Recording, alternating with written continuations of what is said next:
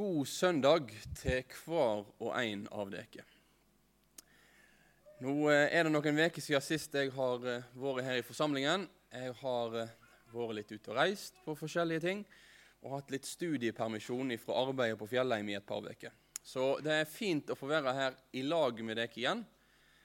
Og fint å få kunne samles en søndags formiddag, oppstandelsesdagen, den dagen når vi på en spesiell måte òg minnes at Jesus, han lever. Han har stått opp fra de døde. At han har en gang for alle vunnet seieren. Og nå I dag så er det som Tor har nevnt, et emne vi skal ha for oss knytta til menigheten eller til forsamlingen. Vi har tidligere i høst her i Fjellheim misjonsforsamling hatt eh, et møte der jeg forkynte over Efeserbrevet kapittel 2. Og I de versene i slutten av Efeserbrevet kapittel 2 som var fokus der, så løfter vi fram én viktig dimensjon ved Bibelens budskap om den kristne kirka. Og Det er den som blir tydeliggjort i, i trosbekjennelsen, som vi òg bekjente i, tidligere i møtet. Nemlig at jeg tror på den hellige ande på ei allmenn kirke. Det som var fokuset da, var at når Bibelen omtaler forsamlingen, og når Bibelen omtaler kirka, så omtaler han det som Kristi kirke. At Gud han har ei kirke på jord. At det er ett folk. Og at dette folket her, ja, de kan gå i ulike forsamlinger. De kan ha sine ulike lokalmenigheter eller kirkelyder, som vi på nynorsk liker å kalle det. Men til sjuende og sist så er det ett folk Herren har. Og det folket det har vært framfor alt kjennetegna ved at den tilhører Jesus. At den har fått komme til tro på Jesus som sin frelser, som sin redningsmann og som sin herre. Så det er en viktig dimensjon av Bibelens budskap om menigheten at det er ett folk. Og Samtidig så forteller Bibelen oss at dette ene folket her, det trer synlig fram i denne verden gjennom ulike forsamlinger eller menigheter eller kirkelyder, eller hva type ord en ønsker å bruke på det. Bibelen har nemlig et budskap om lokalforsamlinger.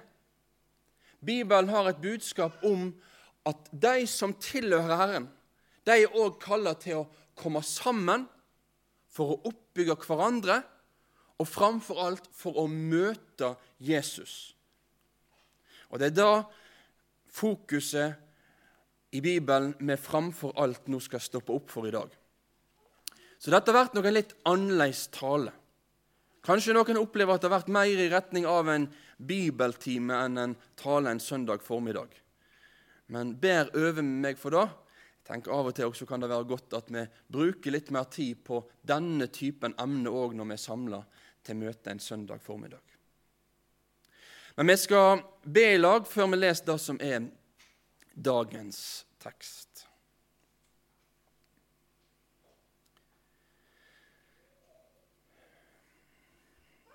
Gode Gud og Far.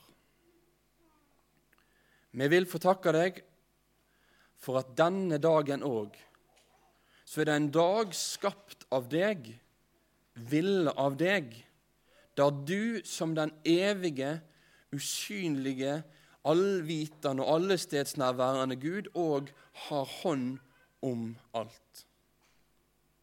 Vi vil takke deg, Far, for at i dag òg kan vi få komme til deg, du som er den ene sanne hellige, rettferdige og miskunnsomme Gud. Takk, Herre, at vi òg kan få tro det i dag, at det Jesus Kristus har gjort, det er det vi skal få ha vår tillit til. At ved Jesu døde oppstandelse så, så skal vi kunne få eie en rettferdighet, så får vi del i et nytt liv som gjør oss til dine barn, far. Og takk for at vi derfor som dine barn òg kan få komme fram for deg i bønn. Komme fram for deg med det som ligger oss på hjertet, både av glede og sorg. Og Nå ber vi om at du i formiddag ved din hellige ånd kan få åpne Bibelen, sånn at vi kan forstå mer av hva du kaller oss til i denne verden. Hvordan du kaller oss til å leve sammen, organisere våre fellesskap. Herre, gi oss å høre både det som, som vi ser at dette her, da, da, det er noe vi har tenkt en del på før, men òg på det som vi kanskje ikke har stoppa så mye opp for. Herre, kunne det få være sånn for oss at, at du er den som får lede oss ved ditt ord, både nå i formiddag og i veka som ligger framfor. I ditt navn ber vi om det, Jesus. Amen.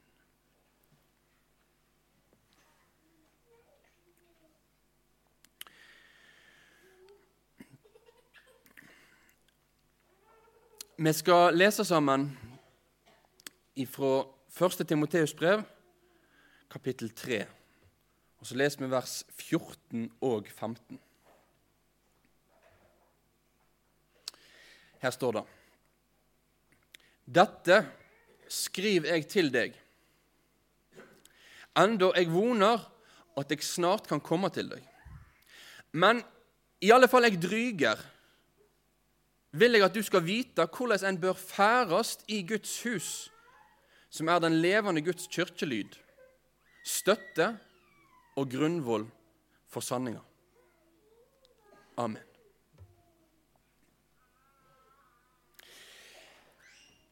Vi hopper nå midt inn i et av de brevene som Paulus i Bibelen skrev til sin nære medarbeider Timoteus. Det er tre brev i Nytestamentet som Paulus skriver til noen unge medarbeidere som var plassert henholdsvis på Kreta og i byen Efesos. Titus han var på Kreta, og der har vi Titus brev som er skrevet til han med tanke på menighetslivet der og hva han bør tenke på i sin tjeneste. Og Timoteus han er den som vi kan lese en del om i apostelgjerningene at var en nær medarbeider med Paulus, som etter hvert òg ble plassert i byen Efesos. Paulus reiste videre på sine misjonsreiser i sitt aposteloppdrag, men Timoteus skulle få bli værende i Efesos. Da skulle få være den plassen der Herren hadde sett han for å tjene han og for å tjene sine medmennesker. Så møter vi da disse to brevene. Disse to brevene der Paulus nå vil veilede Timoteus. For at i Efesos så er det mennesker som har kommet til tro på Jesus. Det er mennesker som har innsett da at det er Jesus Kristus som er frelseren. Det er han som er redningsmann. Det er han en trenger både for livet her, men framfor alt òg for evigheten. Det var noen som hadde gått ifra å rope sånn som en var vant til å rope i Efesos, at stor er Artemis, til at de nå så at det var Jesus Kristus som var stor. Og disse menneskene her som hadde kommet til tro på Jesus, de menneskene som Paulus hadde fått møtt og forkynt til, og etter at han hadde reist ifra byen, og andre mennesker hadde forkynt til. Disse menneskene her, de var blitt Guds folk. De var blitt hans familie. Og Det er det uttrykket som denne teksten her bruker, og som den teksten i Efeserbrevet som har vært innom tidligere i år, bruker, om de kristne. Her blir menigheten beskrevet som Guds hus.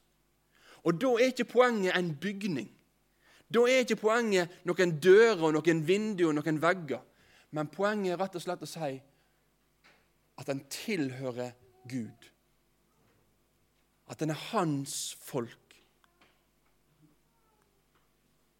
Da skal vi bare ta ett lite minutt til å minne oss sjøl på hvor utrolig det er, det som Bibelen forteller oss at jeg, Ingvald, og du, den du er, kan forrekne Jesus som min bror og Gud som min far.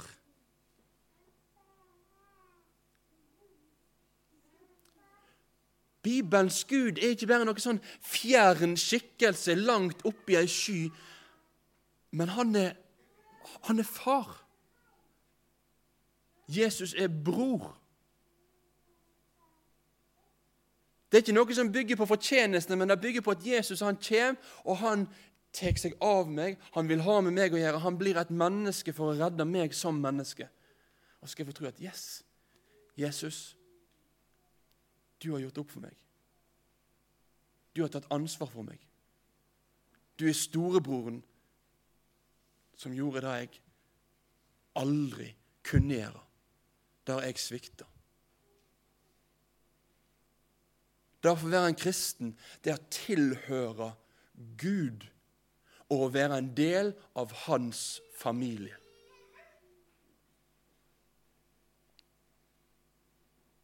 Og så var spørsmålet i Efesos. OK, jeg tilhører Gud.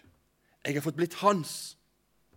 Men vi som i denne byen tilhører Han, hvordan skal vi da tenke om hvordan vi lever sammen i våre fellesskap? Hvordan skal vi få tenke om hvordan vi i vår hverdag nå er blitt et folk? For at konsekvensen konsekvens av at jeg har fått Gud til far, er jo at den andre personen i byen Efesos, eller i Tromsø sånn som i dag, som òg har fått Gud til sin far ved trua på Jesus, det er nå min bror eller min søster. Vi hører i lag med et folk, med en familie. Så, så hvordan skal da denne familien få organisere seg? Sier Bibelen noe om det? Ja, han gjør det.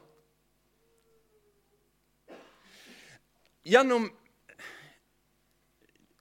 mitt arbeid på fjellet og gjennom ulike sammenhenger som, som jeg er engasjert i, så, så, får jeg oppleve at jeg får besøk av mange ulike heimer, mange ulike hus. Og For elevene våre når de på starten av et år begynner på et nytt bibelskoleår, og de skal begynne å reise på turneer og på ulike utreiser, så er én viktig ting som jeg prøver å understreke for deg og si til deg, det er at ok, nå når de reiser til en familie og kommer inn i heimen deres, når det er noe i deres hus, hva er det som er viktig å tenke på da? Jo, da er det viktig å tenke på at de retningslinjene som de har i den heimen, det er òg de retningslinjene som det må følge. Er det middag klokka tre, ja, så er det middag klokka tre. Er det sånn at, eh, at en eh, har frokost klokka åtte, ja, da er det frokost klokka åtte. Selv om det er sånn at en kan synes at det er litt tidlig. Poenget er når en er i et hus, så forholder en seg til husets retningslinjer. Samtidig er det ikke sånn at når jeg er i dette huset, her, så er alt nedskrevet i hver minste detalj. Jeg kan ganske tydelig eksempel, merke hvis jeg er på besøk hos en familie Hvis det er sånn at eh, jeg kommer inn der og jeg ser at der ligger de med føttene på bordet i stua, ja, så forstår jeg at her, her er det kanskje en litt sånn avslappa stemning, og kanskje noen kan løfte føttene opp på bordet. Men hvis ingen gjør det, så er ikke jeg den som først skal slenge føttene opp på bordet. Det er noen retningslinjer, skrevne og uskrevne. Men alt er ikke sagt. Det er mye som er opp til min frihet òg. Om jeg når jeg sitter i sofaen, vil sitte med beina i kryss eller vil sitte med de attmed hverandre. Det er jo ikke sånn at alt har vært detaljstyrt.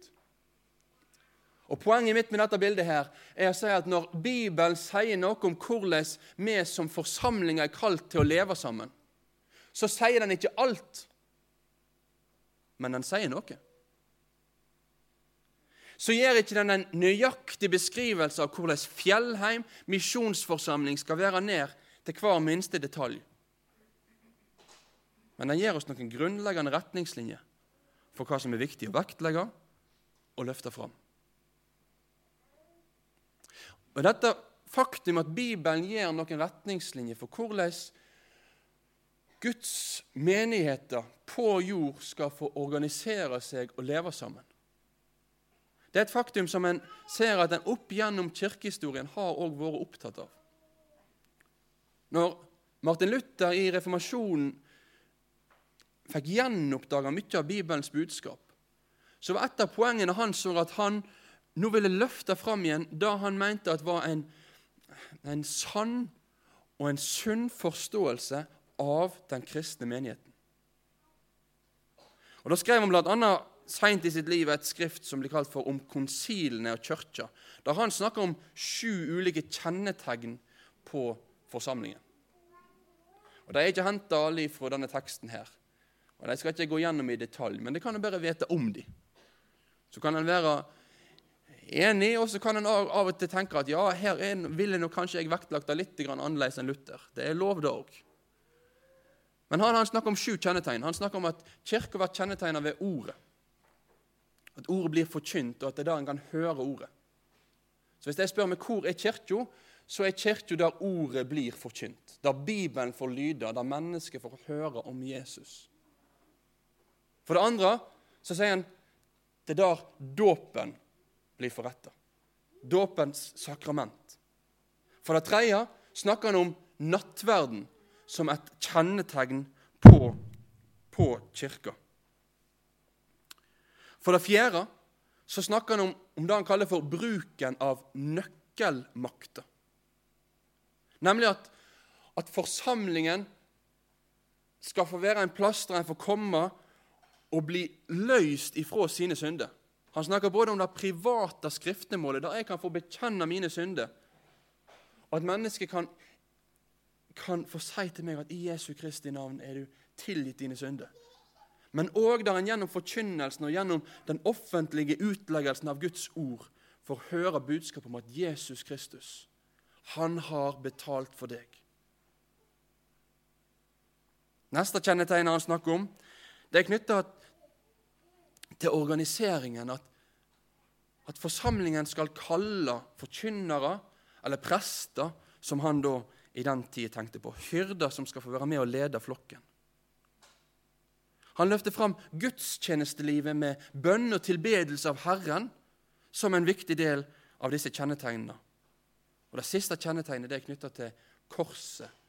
At menigheten er òg en forsamling preget av lidelse, preget av smerte, preget av da å tro på Jesus. Det er ikke alltid lett. Så det er hans sju kjennetegn. Hadde vi hatt god tid, så skulle vi gått inn på hver en av dem. Men det gjør vi ikke nå. Det vi i stedet for skal gjøre, det er at vi nå skal se på det som sto i 1. Timoteus brev. Om hva Paulus i dette brevet skriver til Timoteus om å leve med Herren, hvordan forsamlingen skal få innrette sine fellesskap. Og Så har jeg nå prøvd å trekke ut sju poeng for forsamlingen ifra dette brevet her. Det er ikke en utfyllende beskrivelse. Det kan godt være at når du går hjem og du leser 1. Timoteus brev, at du merker det noen andre punkt. Men dette er iallfall sju moment som er viktig for oss å tenke over her i Fjellheim misjonsforsamling òg. Sju moment som når Paulus skulle veilede Timoteus om da å være en del av den kristne forsamling, så sier han at dette her og dette her og dette her, Timoteus, da, da bør du tenke på. Da bør du ta inn over deg. Da bør du forholde deg til. Så De sju lærdommene de kommer nå opp på skjermen litt etter hverandre. Hva lærer 1. Timoteus brev oss om hvordan vi bør innrette vårt forsamlingsliv? Igjen, dette er ingen fullstendig oppskrift. Men det kan være noen knagger, noe som er viktig for oss å tenke over her på Fjellheim. Hvordan er det i Fjellheim misjonsforsamling? Er det noe vi med frimodighet bør løfte fram mer? Er det noe som er glemt? Og er det kanskje noe som kan bli så viktig for oss, som egentlig i Bibelen er av mindre viktighet? Lærdom nummer én. Paulus begynner i 1. Timoteus brev 1 vers 3 med å skrive at han, når han drog til Makedonia, så ba han Timoteus bli værende i Efesos så han kunne formane visse folk til ikke å fare med framand lære. Og Gjennom første Timoteus-brev og andre Timoteus-brev, som han skriver litt seinere òg, så går dette her også som en, en, slags tråd som Paulus tar opp for Timoteus igjen og igjen. Timoteus, den kristne forsamlingen skal ikke få være en, en sånn petriskål der vranglære eller falsk lære bare får gro og vokse og spire fram. Nei, det skal få være en plass der en skal få vektlegge sannheten. Løfte fram det som er sant. Og En konsekvens av det er òg at en da må ta oppgjør med lære som enten forvrir, fortier eller fornekter Guds sannhet. Forvrir på den måten at den at den skyver fokuset. Forvrir på den måten at i stedet for at det som står i sentrum, er i sentrum, nemlig Jesus, den han er, og det han har gjort, så blir fokuset vridd til noe annet. Det er det som ser ut til å ha skjedd blant en del her, at de er blitt veldig opptatt av ettertavle. For det er konkret det det går på. Her i, i Efesos er det noen, sikkert noen eksperter som har blitt så fascinert over noen ettertavler i Gamle Testamentet disse detaljene, disse småsakene, og da blir det store. Det er en forvridning. Men så skal Timoteus få kalle det tilbake til sentrum, til kjernen, til Jesus. Det betyr ikke at ettertavlene var uvesentlig. Men det betyr at ettertavlene er ikke det som frelste et menneske. Det er det Jesus som gjør. For tida kan handle om at en rett og slett, som det står i 2. Timoteus brev, i stedet for å si det som er sant, så sier en bare det som folk vil høre. Så vektlegger en bare det som er av interesse, det som klør i øra. Og det å fornekte sannheten, det kan handle rett og slett om at en sier at det som Gud har sagt, det er ikke sant. Forsamlingen skal få verne mot dette her. Vi skal få løfte fram sannheten. Det er én lærdom ifra første Timoteus brev.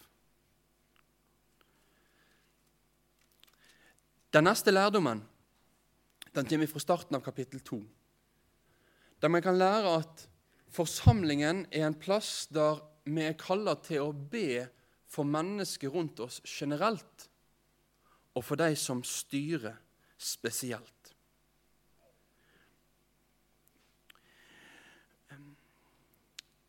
De første versene da forteller oss at framfor alle ting formaner han derfor til at det blir gjort bønner, påkallinger, forbønner og takk for alle mennesker, for konger og for alle som er i høg stilling, så vi kan leve et stilt og rolig liv i all gudsfrykt og gode sede.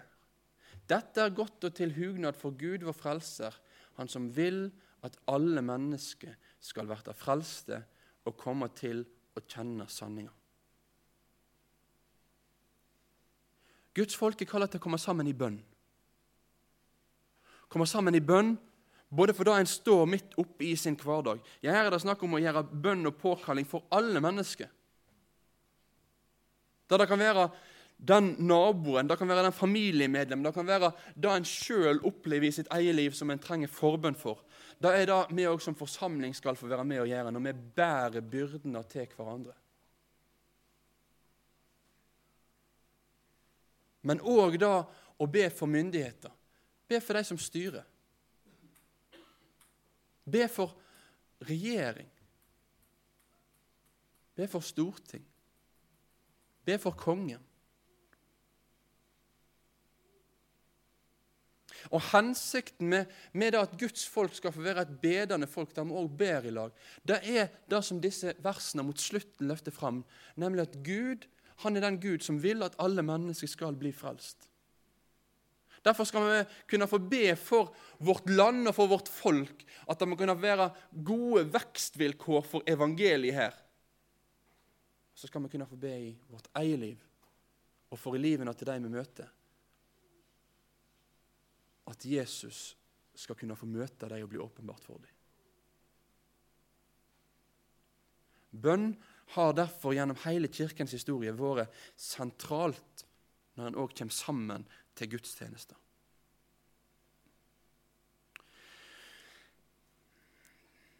Neste punkt er kanskje litt mer kontroversielt inn i vår tid i 2018. Men etter at Paulus har tatt fram dette med bønn, så går han videre til å beskrive forholdet mellom mann og kvinne. Og Den tredje lærdommen fra 1. Timoteus brev er at vi som forsamling er kalla til å leve i et oppgjort forhold til Gud og til hverandre. Som menn og kvinner i lydighet mot hans skaperordning. Det var en litt lang setning, så vi skal prøve å løsrive den litt ifra hverandre.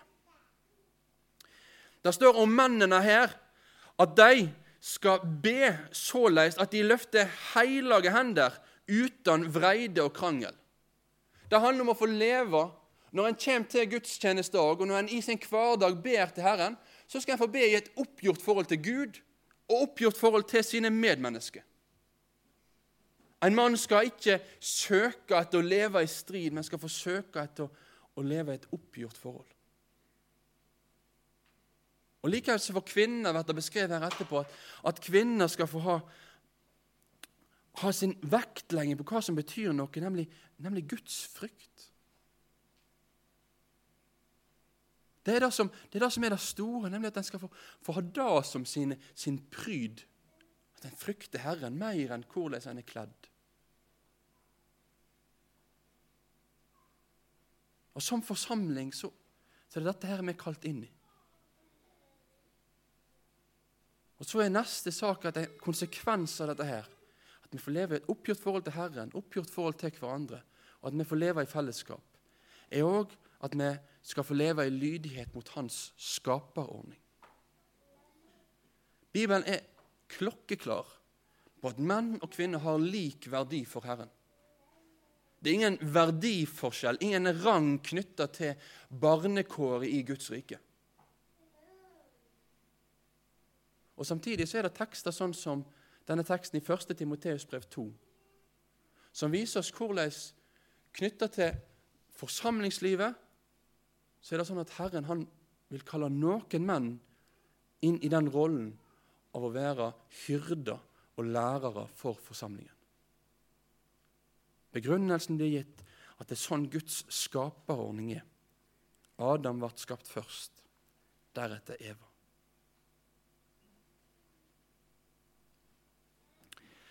Det neste punktet er lærdom nummer fire. Da beveger vi oss videre til kapittel tre. Det henger egentlig sammen med det forrige. Fordi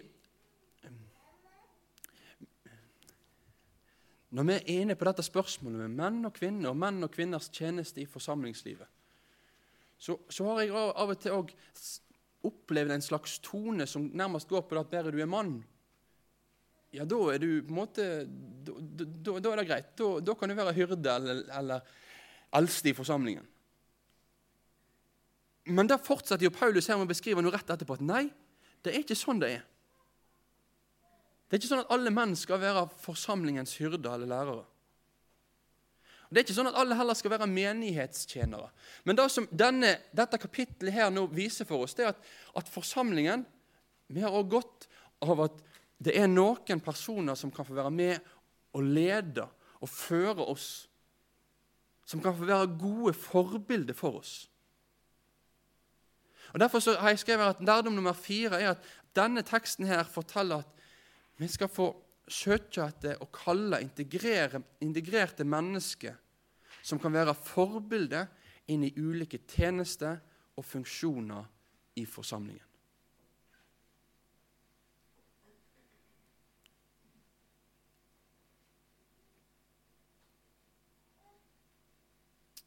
Dette her er noe godt. Dette her er noe godt og samtidig noe sårbart.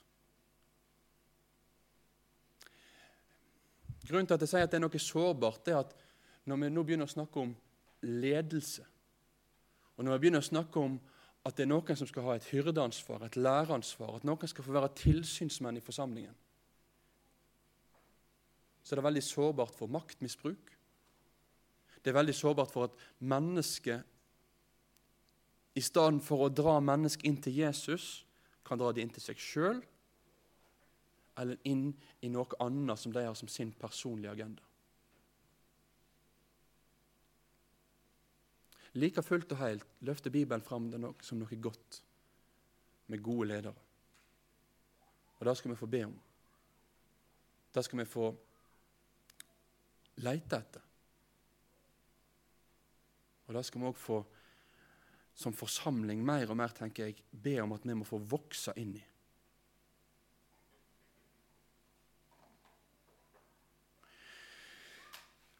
Det neste punktet, det er punkt fem. Og nå er vi i slutten av kapittel fire, der det vært sagt noe om at opplesning og forkynnelse fra Bibelen skal få stå i sentrum for forsamlingen sine sammenhenger. Altså Som forsamling, når vi kommer sammen, så er det ikke bare likegyldig hva vi holder på med. Nei, Paulus han skriver til Timoteus at han skal få legge vind på opplesning av Skrifta, på formaning og på læra til han kommer. Når vi på søndag formiddag derfor kommer sammen her har forkynnelsen og gir den stor plass, så er det fordi vi kommer sammen for å høre Guds ord. Og Vi tenker at det er det som Bibelen sier at vi er kalt til å gjøre, at Gud han vil møte oss gjennom ordet sitt. Derfor trenger vi å høre forkynnelse. Det må få stå i sentrum i våre sammenhenger, ikke bare være en liten del. Det neste punktet, lærdom nummer seks, det er at Paulus han skriver til Timoteus, og han skriver også dermed til oss, om at den kristne menigheten på en spesiell måte må ta ansvar for de som vil være en del av forsamlingen, men som er ensomme og i en sårbar livssituasjon. Det dette handler om i Efesos, det var at det var noen som var enke. Og Det var ulike typer enker i Efesos. Det var de enkene som hadde en familie som på en eller annen måte kunne støtte dem, forsørge dem. Men så var det òg de enkene som sto helt på bar bakke. Som ikke hadde noe sikkerhetsnettverk. Som ikke hadde noen rundt seg som kunne bære dem, som kunne hjelpe dem i det som var tungt i livet.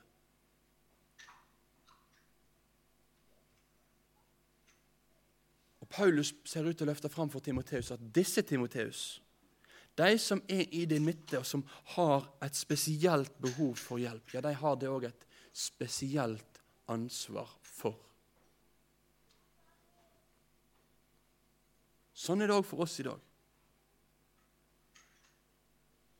Sånn er det òg for Fjellet misjonsforsamling her og nå.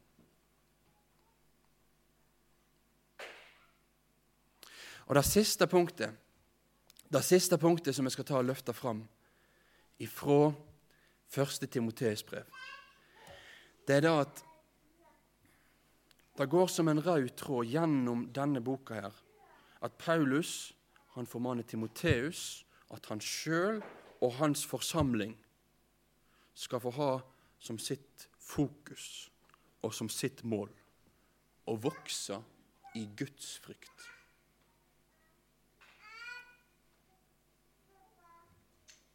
Og dette blir stilt opp egentlig som en kontrast til ulike andre interesser som efeserne og menighetsmedlemmene kunne ha. Noen ser ut til å være glad i å trene, kanskje. Men det står at kroppslig øvning gagner lite, men Guds frykt er gagnlig til alt. Det betyr ikke at trening ikke var viktig eller ikke kunne være bra, men han sier at det er noe med å få faktorene på rett plass her. På samme måte med økonomien. Kapittel 6 handler om hvordan en forholder seg til pengene. Hvordan en forholder seg til de midlene som Gud har betrodd en. Og Det som står igjen som et viktig vers i den sammenhengen, er kapittel 6 og vers 6. At Guds frykt med nøysomhet er en stor vinning.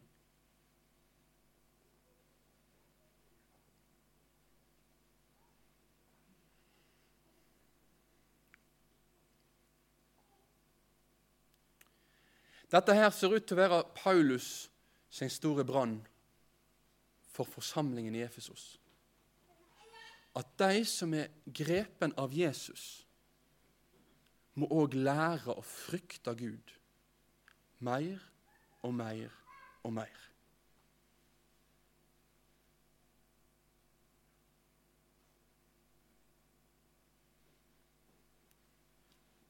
At de som tror på Jesus, mer og mer og mer òg kan få bli grepen av sannheten om Jesus. Hvem han er, og sannheten om at han virkelig er til. Sånn at det får prege livet, gjennomsyre hverdagen. Sånn at ut i hverdagen der de sto i sine yrker, Om det var med sine hamrer eller i sin smie, eller om det var på handelsplassen. At der de var, så kunne de få leve med den overskrift over sitt liv at Jesus Kristus har kjøpt meg. Jeg er hans. Gudsfrykt handler om det å leve med Gud som en levende realitet i hverdagen.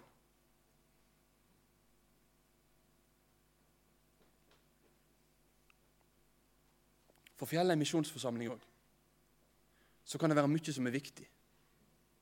Mye som er bra. Mye som jeg skal kunne få løfte fram som gode ting. Men Jesus kaller oss til å vokse i Guds frykt. Han som jeg av nåde får tilhøre. Han er den som vil ta større plass i mitt liv, min tanke, mitt sinn.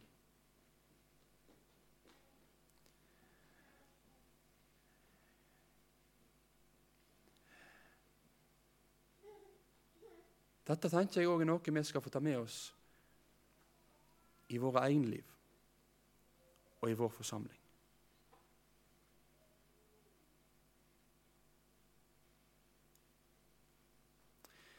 La oss be.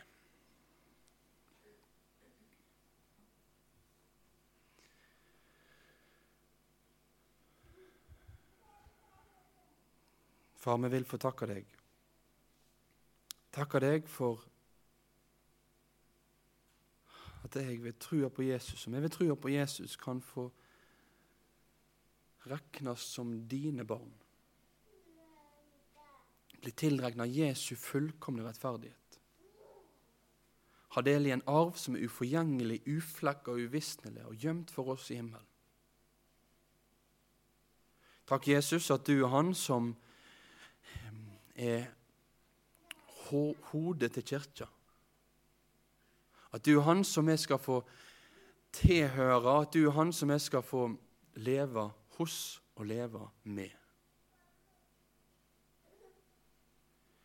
Og Da ber vi deg om, Herre, for vårt fellesskap her på Fjellheim òg.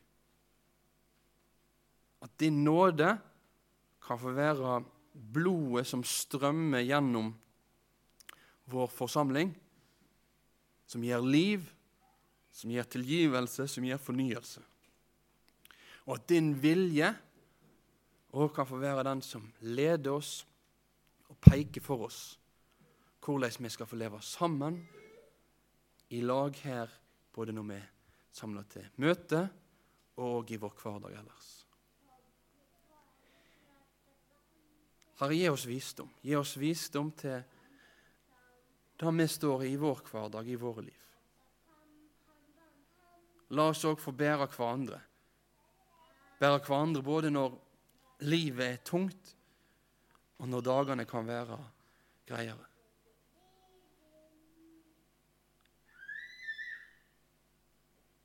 I ditt navn ber vi om det, Jesus. Amen.